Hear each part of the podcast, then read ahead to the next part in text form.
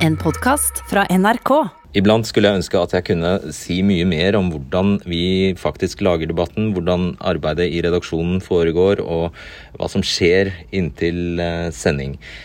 Dagens sending er definitivt et sånt eh, eksempel. Vi hadde planlagt et eh, helt annet tema helt inntil i formiddag. Da måtte vi kullkaste alle planene vi hadde. Og det var egentlig over ja, halvannet døgns research som da gikk i vasken. Og det var fordi det skjedde noe i den saken som vi skulle debattere.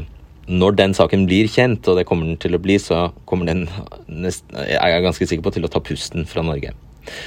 Men vi endte altså med et tema som jeg er veldig godt fornøyd med at vi eh, tok, nemlig Bertheussen-saken. Og det var viktig for oss at vi kan ikke debattere den saken mens den er pågående i rettssalen. Det ville jo ikke ta seg ut i det hele tatt. Derfor så gjorde vi det som alle andre medier har gjort, ikke minst våre egne sendinger, Dagsrevyen og eh, alle nyhetssendingene har gjort. Innkalle kommentatorer til å fortelle hva som har skjedd i eh, rettssalen, rettssalen så, så, langt.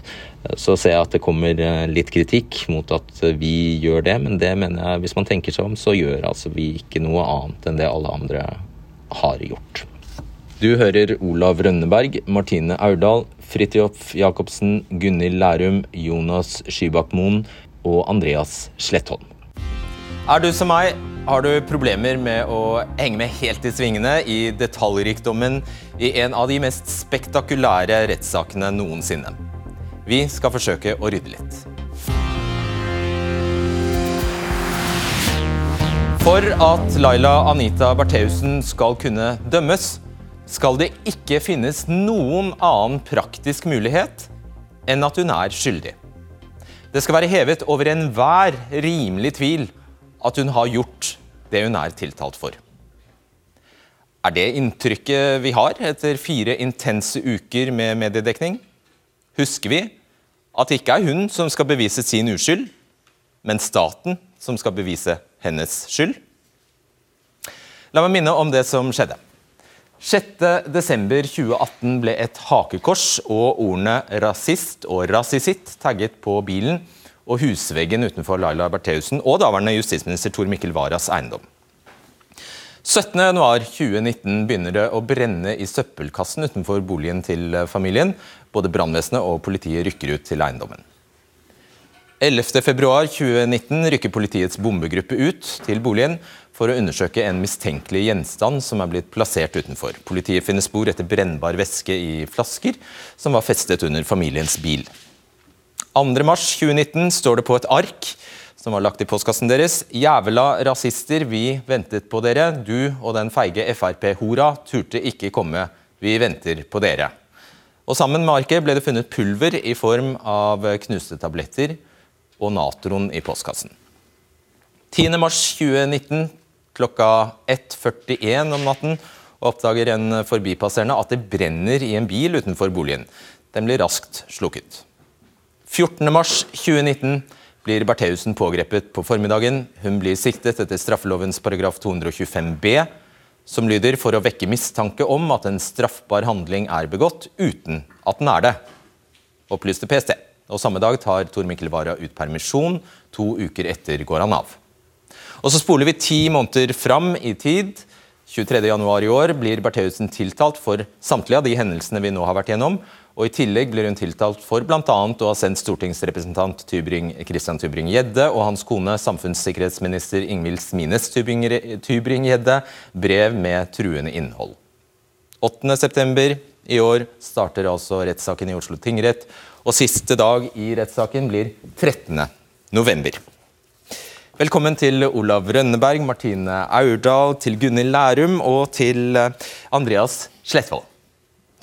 Start med deg, da, Rønneberg, siden du bor her nærmest. Eh, du er krimkommentator i NRK. Det har vært en spennende dag i retten igjen, skjønner jeg? Ja, Vi har jo både fått høre om, om skriftanalyser og, og, mye om brudd på karantenebestemmelsen i dag. Det har jo vært et stort tema at Laila Bertheussen sist sommer først var i Spania, så reiste rett til Strømstad for å handle, eh, og at hun da var i Strømstad samtidig med at et brev ble sendt i posten til advokat Helden, da faktisk fra Sverige? Nettopp, ja. Men ingen, er noe av det du nevnte nå, altså det at hun både har vært i Spania og hyppig i Sverige, er det en del av tiltalen? Ja, for å ta karantenebestemmelsene først, så så har nok det mer med troverdighet å gjøre. Aktoratet vil nok tegne et bilde av en tiltalt som eh, har helseproblemer. Hun, hun, er jo eh, sterkt preget i retten av, av fysiske utfordringer. Eh, så sent som sist fredag var hun opptatt av at vitneboksen skulle smittevasket, f.eks. Men så mener jo det aktor at hun er villig til å ta sjanser ved f.eks. å reise fra ett rødt land og videre til et annet rødt land for å handle, og så reise hjem til Oslo for å gå på kafé og handle på McDonald's. Det var noe av det som ble trukket frem i dag. og De har jo en side opp mot troverdigheten, men det belyser jo ikke skyldspørsmålet i all verdens grad. Risikovilligheten hørte vi aktor eh, si, tror det var det han kalte det. Martine Aurdal, kommentator i Dagbladet, også tilbrakt de siste ukene i Oslo tingrett. Hva er det mest oppsiktsvekkende, mener du, som kom frem i dag? Nei, Det viktigste fra påtalemyndighetens eh, ståsted er nok disse skriftanalysene. De knytter jo Bertheussen Og det er jo da tre skriftanalytikere, to fra Kripos og en eh, privat som forsvarerne har hyret inn, med til sammen 80 års erfaring. Som alle tre er helt enige om at det er mest sannsynlig at det er Laila Bertheussen som har skrevet den skriften som vi ser på veggen bak her nå, som også har skrevet på eh, to av konvoluttene som er sendt til eh, Jon Christian Elden, og som mener Kripos sine skriftanalytikere også har skrevet rasist på sin egen bil. Ja, Så det er tagging, det er brev, og det er, og det er skrift på konvolutter vi snakker om? Det er det. og det er jo, De har jo sett på alle skriftstykkene som er en del av denne veldig omfattende saken. Og Her er jo eh, forsvarerens eh, vitne også enig med Kripos, men litt mindre sikker enn det Kripos er. Ja. Andreas Letton, kommentator i Aftenposten, følger også eh, saken fra, fra rettse innenfra rettssalen. En av de heldige Heldige? Ja, jeg regner med du føler deg heldig? Ja. ja. Det har du grunn til. La oss fortsette med dette med skriften og disse konvoluttene eller disse brevene som er sendt fra Sverige. Hva var det egentlig det dreide seg om? Nei, Dette dreide seg jo da om uh, disse forsendelsene som egentlig da er sendt uh, Som ikke er en del av tiltalen, som er sendt etter at Bertheussen ble pågrepet. Den siste så, så sent som, uh, i, som 10. august i år. og som da aktoratet mener at gjerningspersonen må stå bak.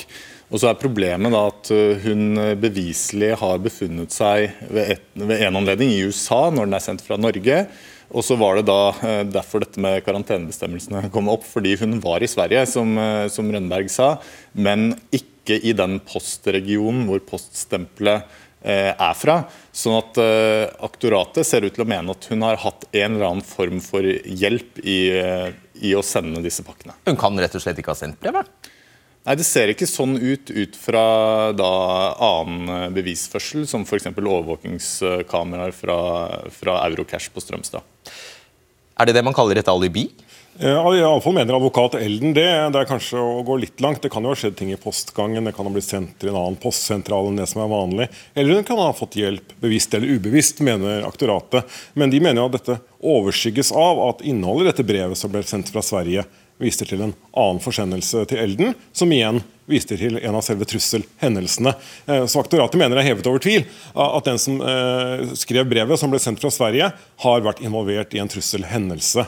Eh, og Dermed så mener de at dette hullet i hypotesen, for å kalle det det, at det spiller en mindre rolle. Men Elden da også mener det stikk motsatte, at dette, dette, var veldig heldig at det kom eh, fram.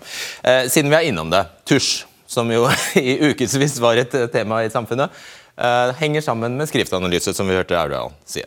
Absolutt, og denne tusjen ble funnet på et litt merkelig sted, bak en rad med bøker inni en bokhylle under en ransaking hjemme hos Bertheussen. Aktoratet har gjort et stort poeng uh, ut av det. Uh, og De har da undersøkt denne tusjen kjemisk og funnet ut at den har blitt brukt, eller i hvert fall den samme type tusj har blitt brukt til å tagge hus og bil under dette første hærverket i, i, desember. men igjen da, så er det jo heller ikke på denne tusjen funnet noe fingeravtrykk eller noe, noe DNA fra Bertheussen. Nei. Og hvem har ikke tusjer i huset?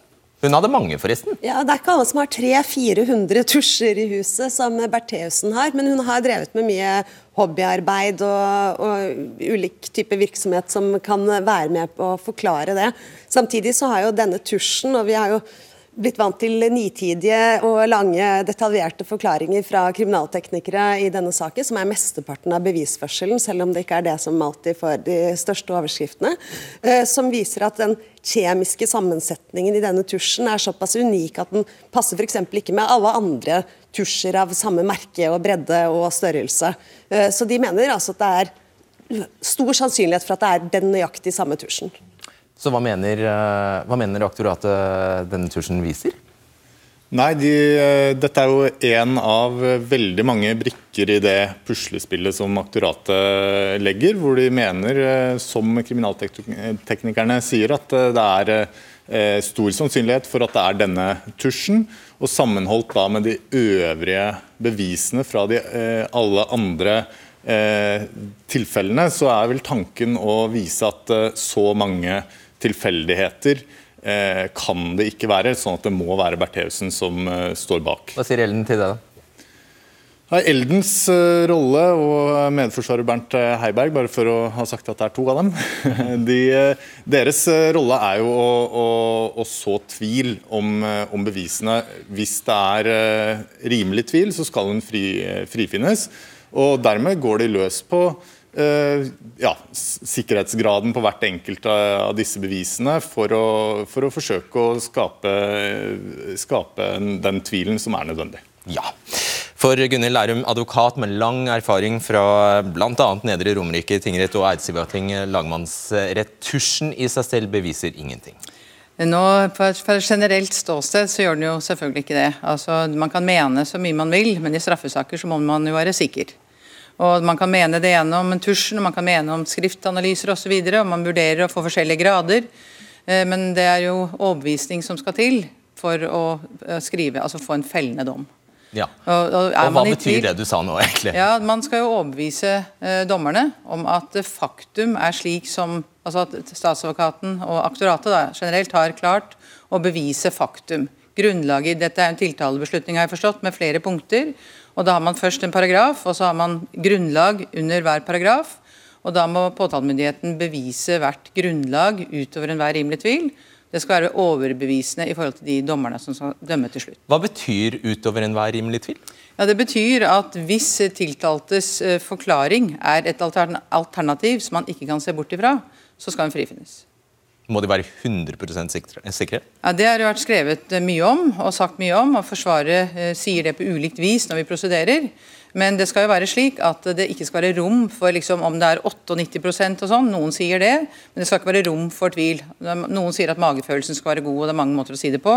Men altså alternativet til den som forklarer seg som tiltalt, hvis det er et alternativ man ikke kan se bort ifra, ja, da er det tvil, og da skal tiltalte frifinnes. Så det vi må ha klart for oss, er at dette er uhyre strengt? Det er en veldig streng bevisbyrde i norsk strafferett. Ja.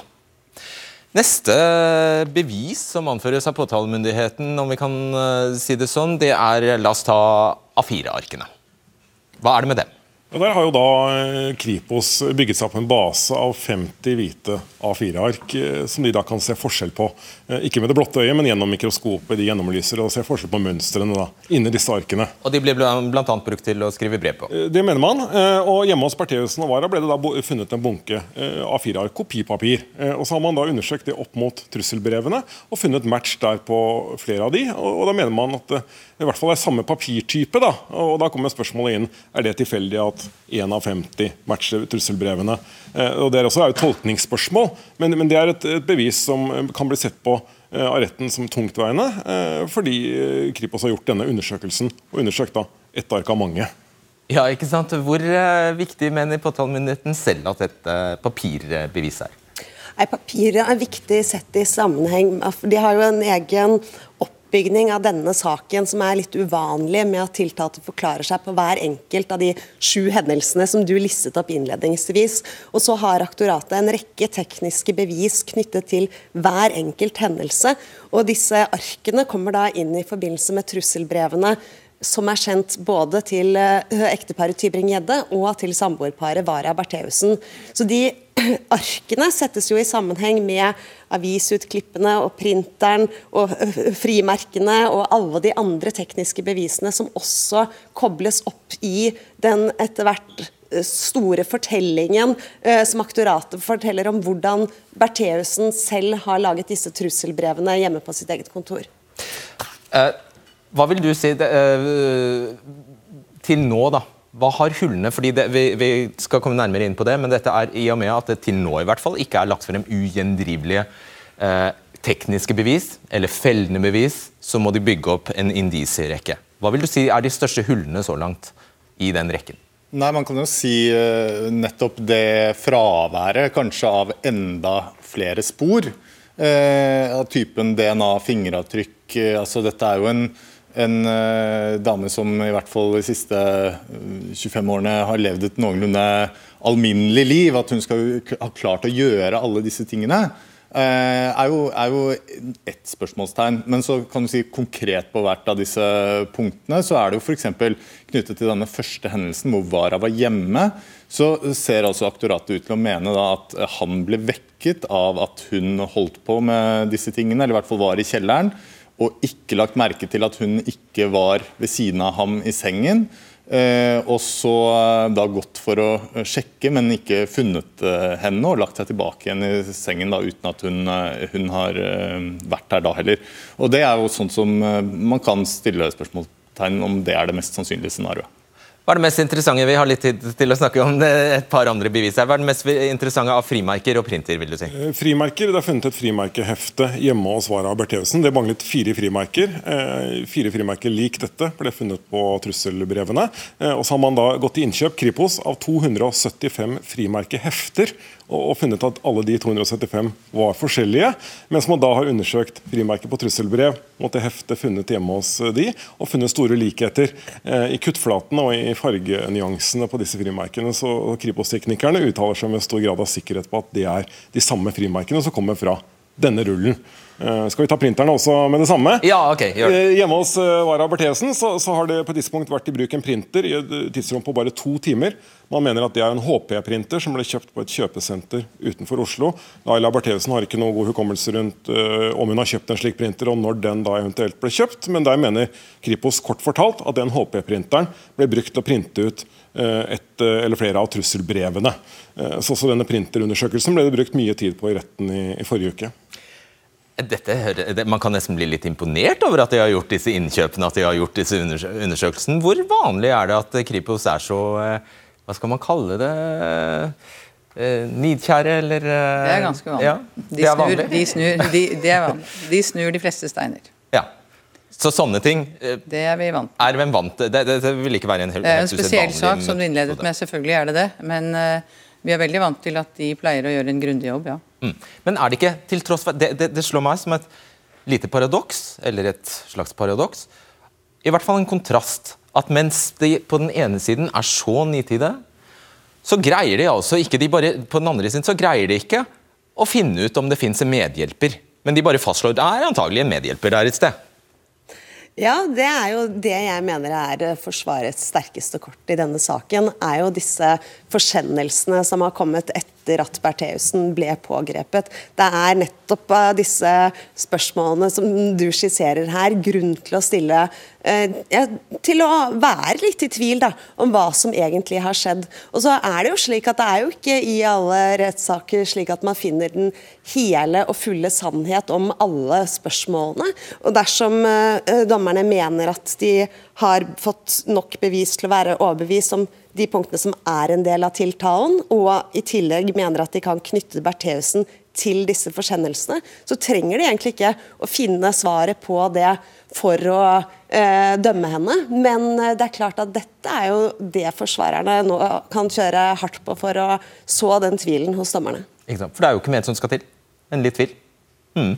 Ok, Da skal dere få flytte litt eh, på dere, for vi skal supplere panelet her. For, eh, for inn Fridtjof Jacobsen i Dagens Næringsliv, og ikke minst Jonas Skybakmoen, journalist i Filter nyheter starter med deg, Skybakmoen, for det, det, dere har gjort, er ganske ekstraordinært. må man kunne si. Dere har altså publisert eh, utdrag fra en lang altså det er lange chatter vi snakker om, fra samtaler mellom Laila Bertheussen, altså denne venninnegjengen, Laila Bertheussen, det er, eh, det er bl.a. Ingvild eh, Smines Tybring-Gjedde. Det er eh, tidligere statssekretær Line Miriam Haugan, som hun nå heter, altså gift med Per Sandberg tidligere. Rita Karlsen fra HRS og to andre som dere har anonymisert, pluss kona til Per-Willy Amundsen. Og så har dere, altså, og det, dere altså, de, det, dere har publisert, det er for så vidt eh, meldinger som også er framlagt i retten som bevis av påtalemyndigheten, hvis jeg har skjønt det rett. Hva er, det, hva er det de diskuterer her? Hva er det dere har vist fram? egentlig?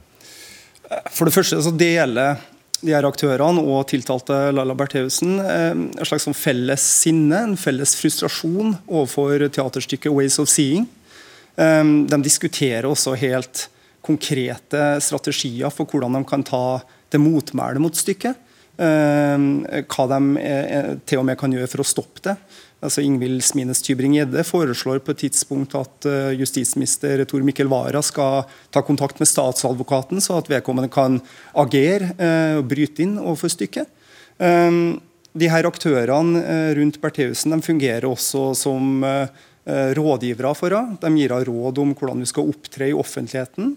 Eh, de språkvasker innlegg som hun har på skissestadiet, som eh, senere f.eks. kommer på trykk i VG som eh, kronikker. Også Facebook-innlegg, som, som Rita Karlsen i HRS nærmest forfatter for Laila Bertheussen.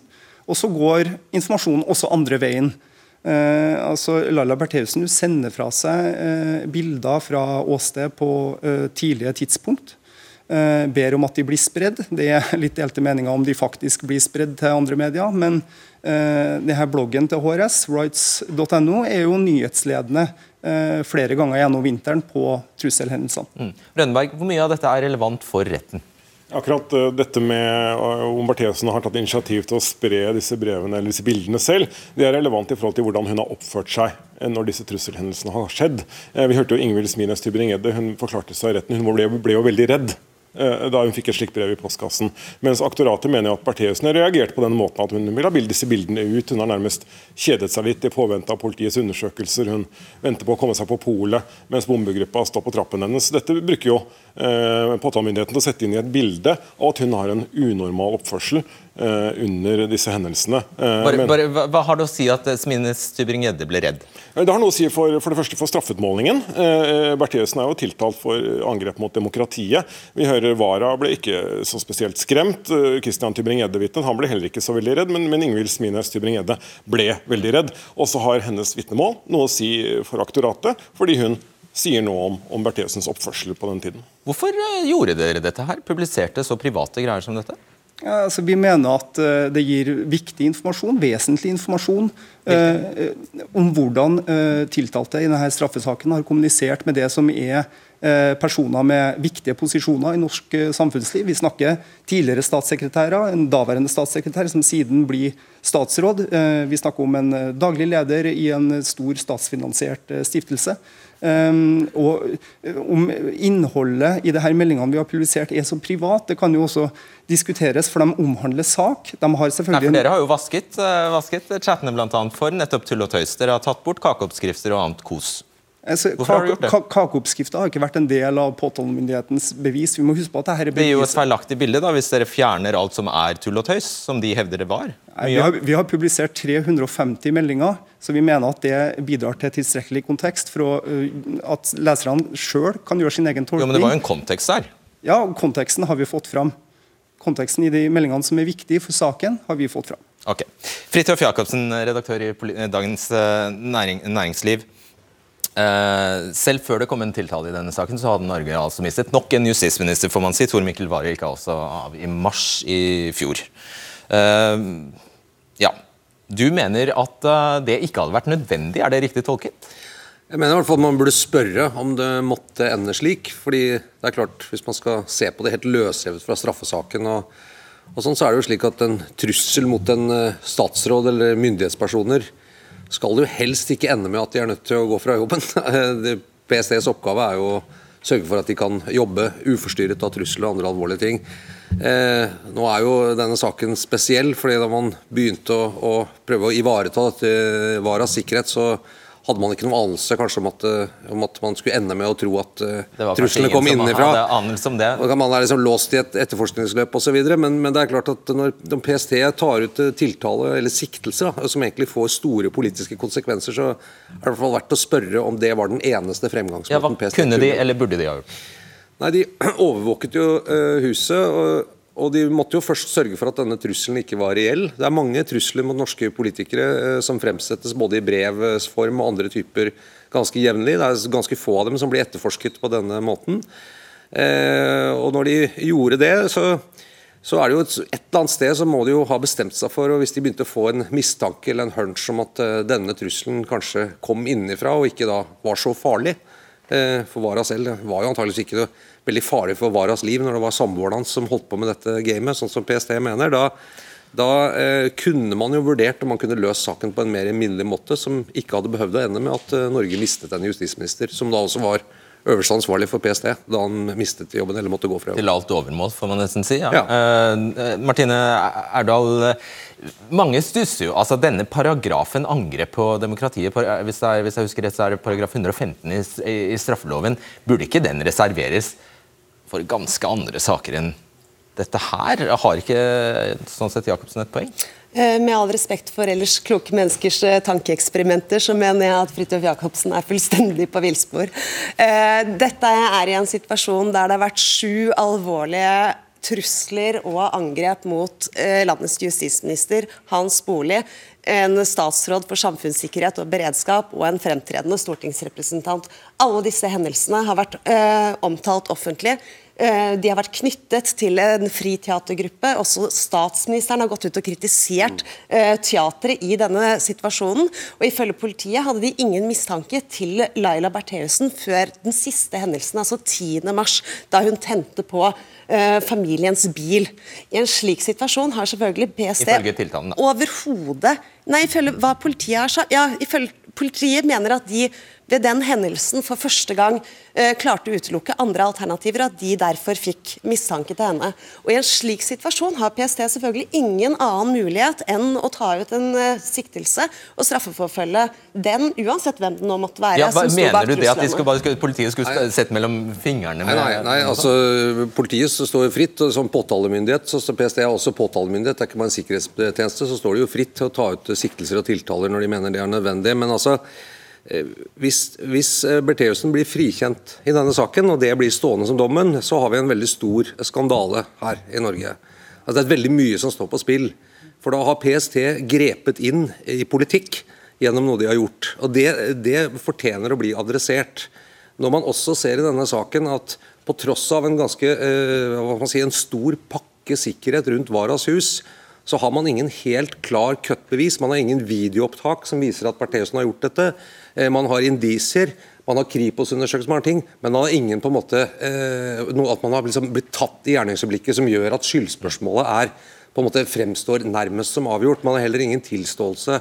Og det er jo det er jo litt spesielt. fordi at Man må jo tenke seg hva blir konsekvensen eh, hvis Bertheussen blir frikjent? Hvis denne rettssaken ikke holder, hvis beslutningen om å ta ut tiltale ikke holdt da i to rettsinstanser, eh, som det sikkert vil gå til, eh, da har vi eh, et, alvorlig tilbud mellom PST. Ja, da har PST altså gjort noe som ikke de nådde frem med i retten, og som har ført til at en justisminister eh, har mistet jobben. og Det vil være alvorlig, mener jeg. Og der er absolutt helt enig med deg. Og jeg mener jo at dersom denne saken ikke fører til en domfellelse, så kan det kanskje måtte føre til at det er en politidirektør som må gå. av. For det var jo tross alt Benedicte Bjørnland selv som var PST-sjefen som frontet denne Og saken. Bare for å si det, så synes jeg Man glemmer det litt, for jeg synes graden på en måte i opinionen av at Bertheussen er skyldig, ikke minst fordi det er så mye som er blitt lagt frem, eh, både på forhånd før saken og ellers, så er det liksom litt sånn oppe og avgjort. Hun må ha gjort det, og man spøker om det, og det er selvfølgelig en veldig spektakulær historie. Men, men vi må tenke på, og PST har et veldig stort ansvar når de tar ut en tiltale som rammer en statsråd, eh, så bør de være helt sikre på at eh, den saken kan vinnes. Og de har jo ikke det avgjørende fellende beviset, som vi i hvert fall ikke har sett til nå. Hva, er hva, hva virker det som aktoratets linje de resterende fire ukene her? Nå kommer det flere vitner. Vi har ennå ikke hørt noe om denne eh, siste brannen i bilen. Eh, der skal Bertheussen forklare seg på torsdag, og så skal kriminalteknikere forklare seg. Så skal vi da få høre om denne helseappen hun har hatt, og som også har vært sentral tidligere i saken. Man mener jo da at hun har beveget seg igjen nattestid. Mener å lese ut av denne helseappen et antall skritt, noen trapper opp og ned. Eh, og Det igjen også blir jo et tolkningsspørsmål. Eh, men PST mener jo at det viser at ingen andre kan ha gjort det. Ingen andre er på kameraovervåkingen. Helseappen har beveget seg. Dørsensoren har til og med åpnet seg da, da, samtidig som brannen startet. Mm. Bare, bare en ting jeg kom på. Indisie, eller indisium heter det kanskje?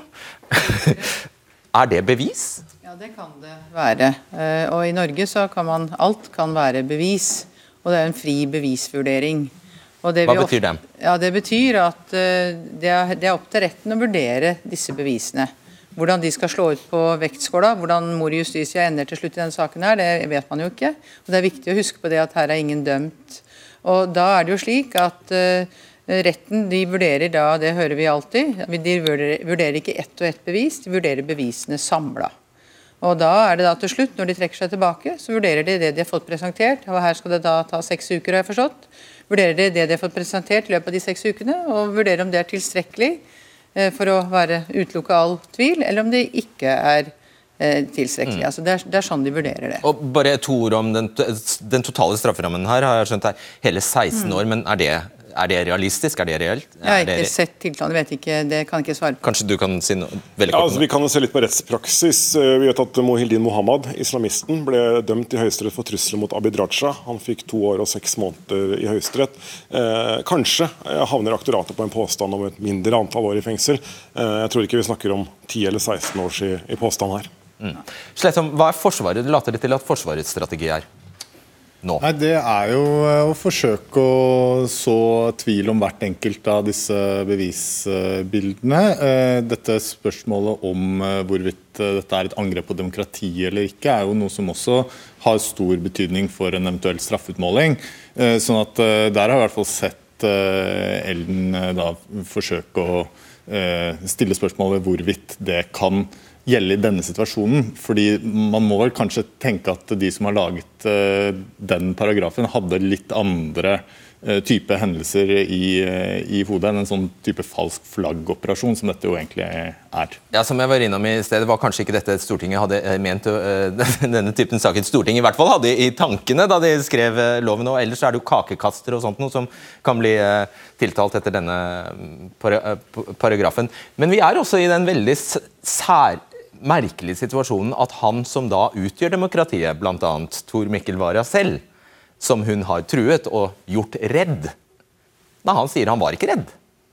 Tor Mikkel Wara har kjempet som en løve for sin uh, familie i uh, vitneboksen. Han uh, gjorde det han kunne, både for å reise tvil rundt skyldspørsmålet og for å snakke samboeren ut av denne alvorlige straffelovens paragraf 115. Ingvild Smines Tybring-Gjedde gjorde det motsatte. Og dersom eh, Bertheussen blir dømt, så er det nok eh, ekteparet Tybring-Gjeddes eh, sterke fortelling om hvor hardt dette rammet dem, som kommer til å føre til at Bertheussen blir dømt etter denne alvorlige paragrafen med angrep på de høyeste statsinstitusjoner. Mm.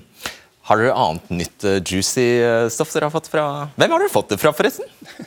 Det kan jeg selvfølgelig ikke si. Vi er, vi er journalister. Vi praktiserer kildevern. og jeg, jeg, må si, jeg reagerer også på hvordan Ingvild Smines Tybring-Gjedde kunne stå i åpen rett og uh, legge frem et krav om at myndighetene nå må komme til bunns i hva det er som er media sine kilder. Altså, det vitner også om en veldig dårlig rolleforståelse fra, fra hennes side.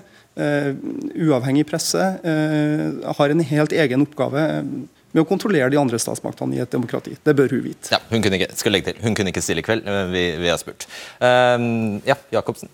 Har du noe å tilføye? Nei, men Det er jo et poeng. og det er også disse chatloggene, som jo er interessante og fascinerende, selvfølgelig. Men det jeg tror også sånn politisk Tradisjonelt sett så er jo liksom når PST er inne i det som har med politikk å gjøre, og driver på en måte og roter i det, så er jo piggene veldig fort ute i det politiske miljøet. Vi har noen historiske eksempler på det, med Berge Furre bl.a. Eh, hvor jo PST mente de hadde god grunn til å undersøke om han hadde hatt en usunn forbindelse til, til Øst-Tyskland. Eh, da måtte både sjefen og justisministeren gå av, fordi han da på det tidspunktet satt i Lund-kommisjonen. Men i denne saken så er det liksom helt fravær av det, og det kan jo skyldes at akkurat denne, eh, hvis man litt uærbødig kan kalle det koneklubben, da, som man kan lese om i Filter, eh, som for øvrig jeg tenker hadde vært litt av en TV-serie. egentlig så eh, så er jo de en veldig omstridt gruppe. fordi de er liksom på ytterkanten selv i Fremskrittspartiet. og dermed så har de jo tradisjonelt sett få venner i norsk offentlighet. så Jeg syns det er litt sånn fravær i denne saken, gitt at PST mangler liksom det avgjørende fellende beviset så langt, hvert som vi har sett. Så er det rart at ikke det er litt mer problematisering av at de faktisk turte å gå til en så dramatisk eh, tiltalebeslutning som det de har gjort her. Sånn. Mm. Vil du avslutte den, eh, Hvor viktig tror du at disse loggene faktisk kan ende med å bli? Sånn strafferettslig så, så, er jo ikke det sånn i kjernen av saken, utover at de viser litt av hennes oppførsel i denne perioden. Og, og jeg tror ikke de vil få noen stor betydning heller eh, som, eh, for, å vurdere hennes grad av skyld. Sånn at der tror jeg vel kanskje at Eh, verdien eventuelt eh, ligger vel så mye i det som eh, har kommet fram i offentligheten. Det er, jo, det er jo selvfølgelig et fascinerende innblikk, og alt dette her, men sånn, det er nok helt andre digitale spor, sånn som f.eks. denne helseappen, som er en veldig over, altså et særdeles inngripende form for overvåking, som, som jeg tror vil det vil for være et mye viktigere digitalt spor. Nettopp. Det var det vi rakk. Det er fire uker igjen av rettssaken. Tusen takk skal dere ha ta med dere gå, eh, Hva er det jeg sier nå? Spre ryktet om at eh, denne utgaven av Debatten passer perfekt som eh, podkast på eh, øret mens dere går. Ja, det er som jeg sier. Jeg mener debatten egner seg veldig godt på, som podkast. Altså, hvis du mener noe om det, så må du gjerne gi oss tilbakemeldinger om det. Og den enkleste og raskeste måten å gjøre det på, er på adressen debatten krøllafa nrk.no. Hvis det er noen som har ideer til hvordan denne podkasten kan gjøres annerledes, eller ja, noe annet, så bare kom med innspill om det. Da høres vi om et par dager. Ha det bra. Du har hørt en podkast fra NRK. Hør flere podkaster og din NRK-kanal i appen NRK Radio.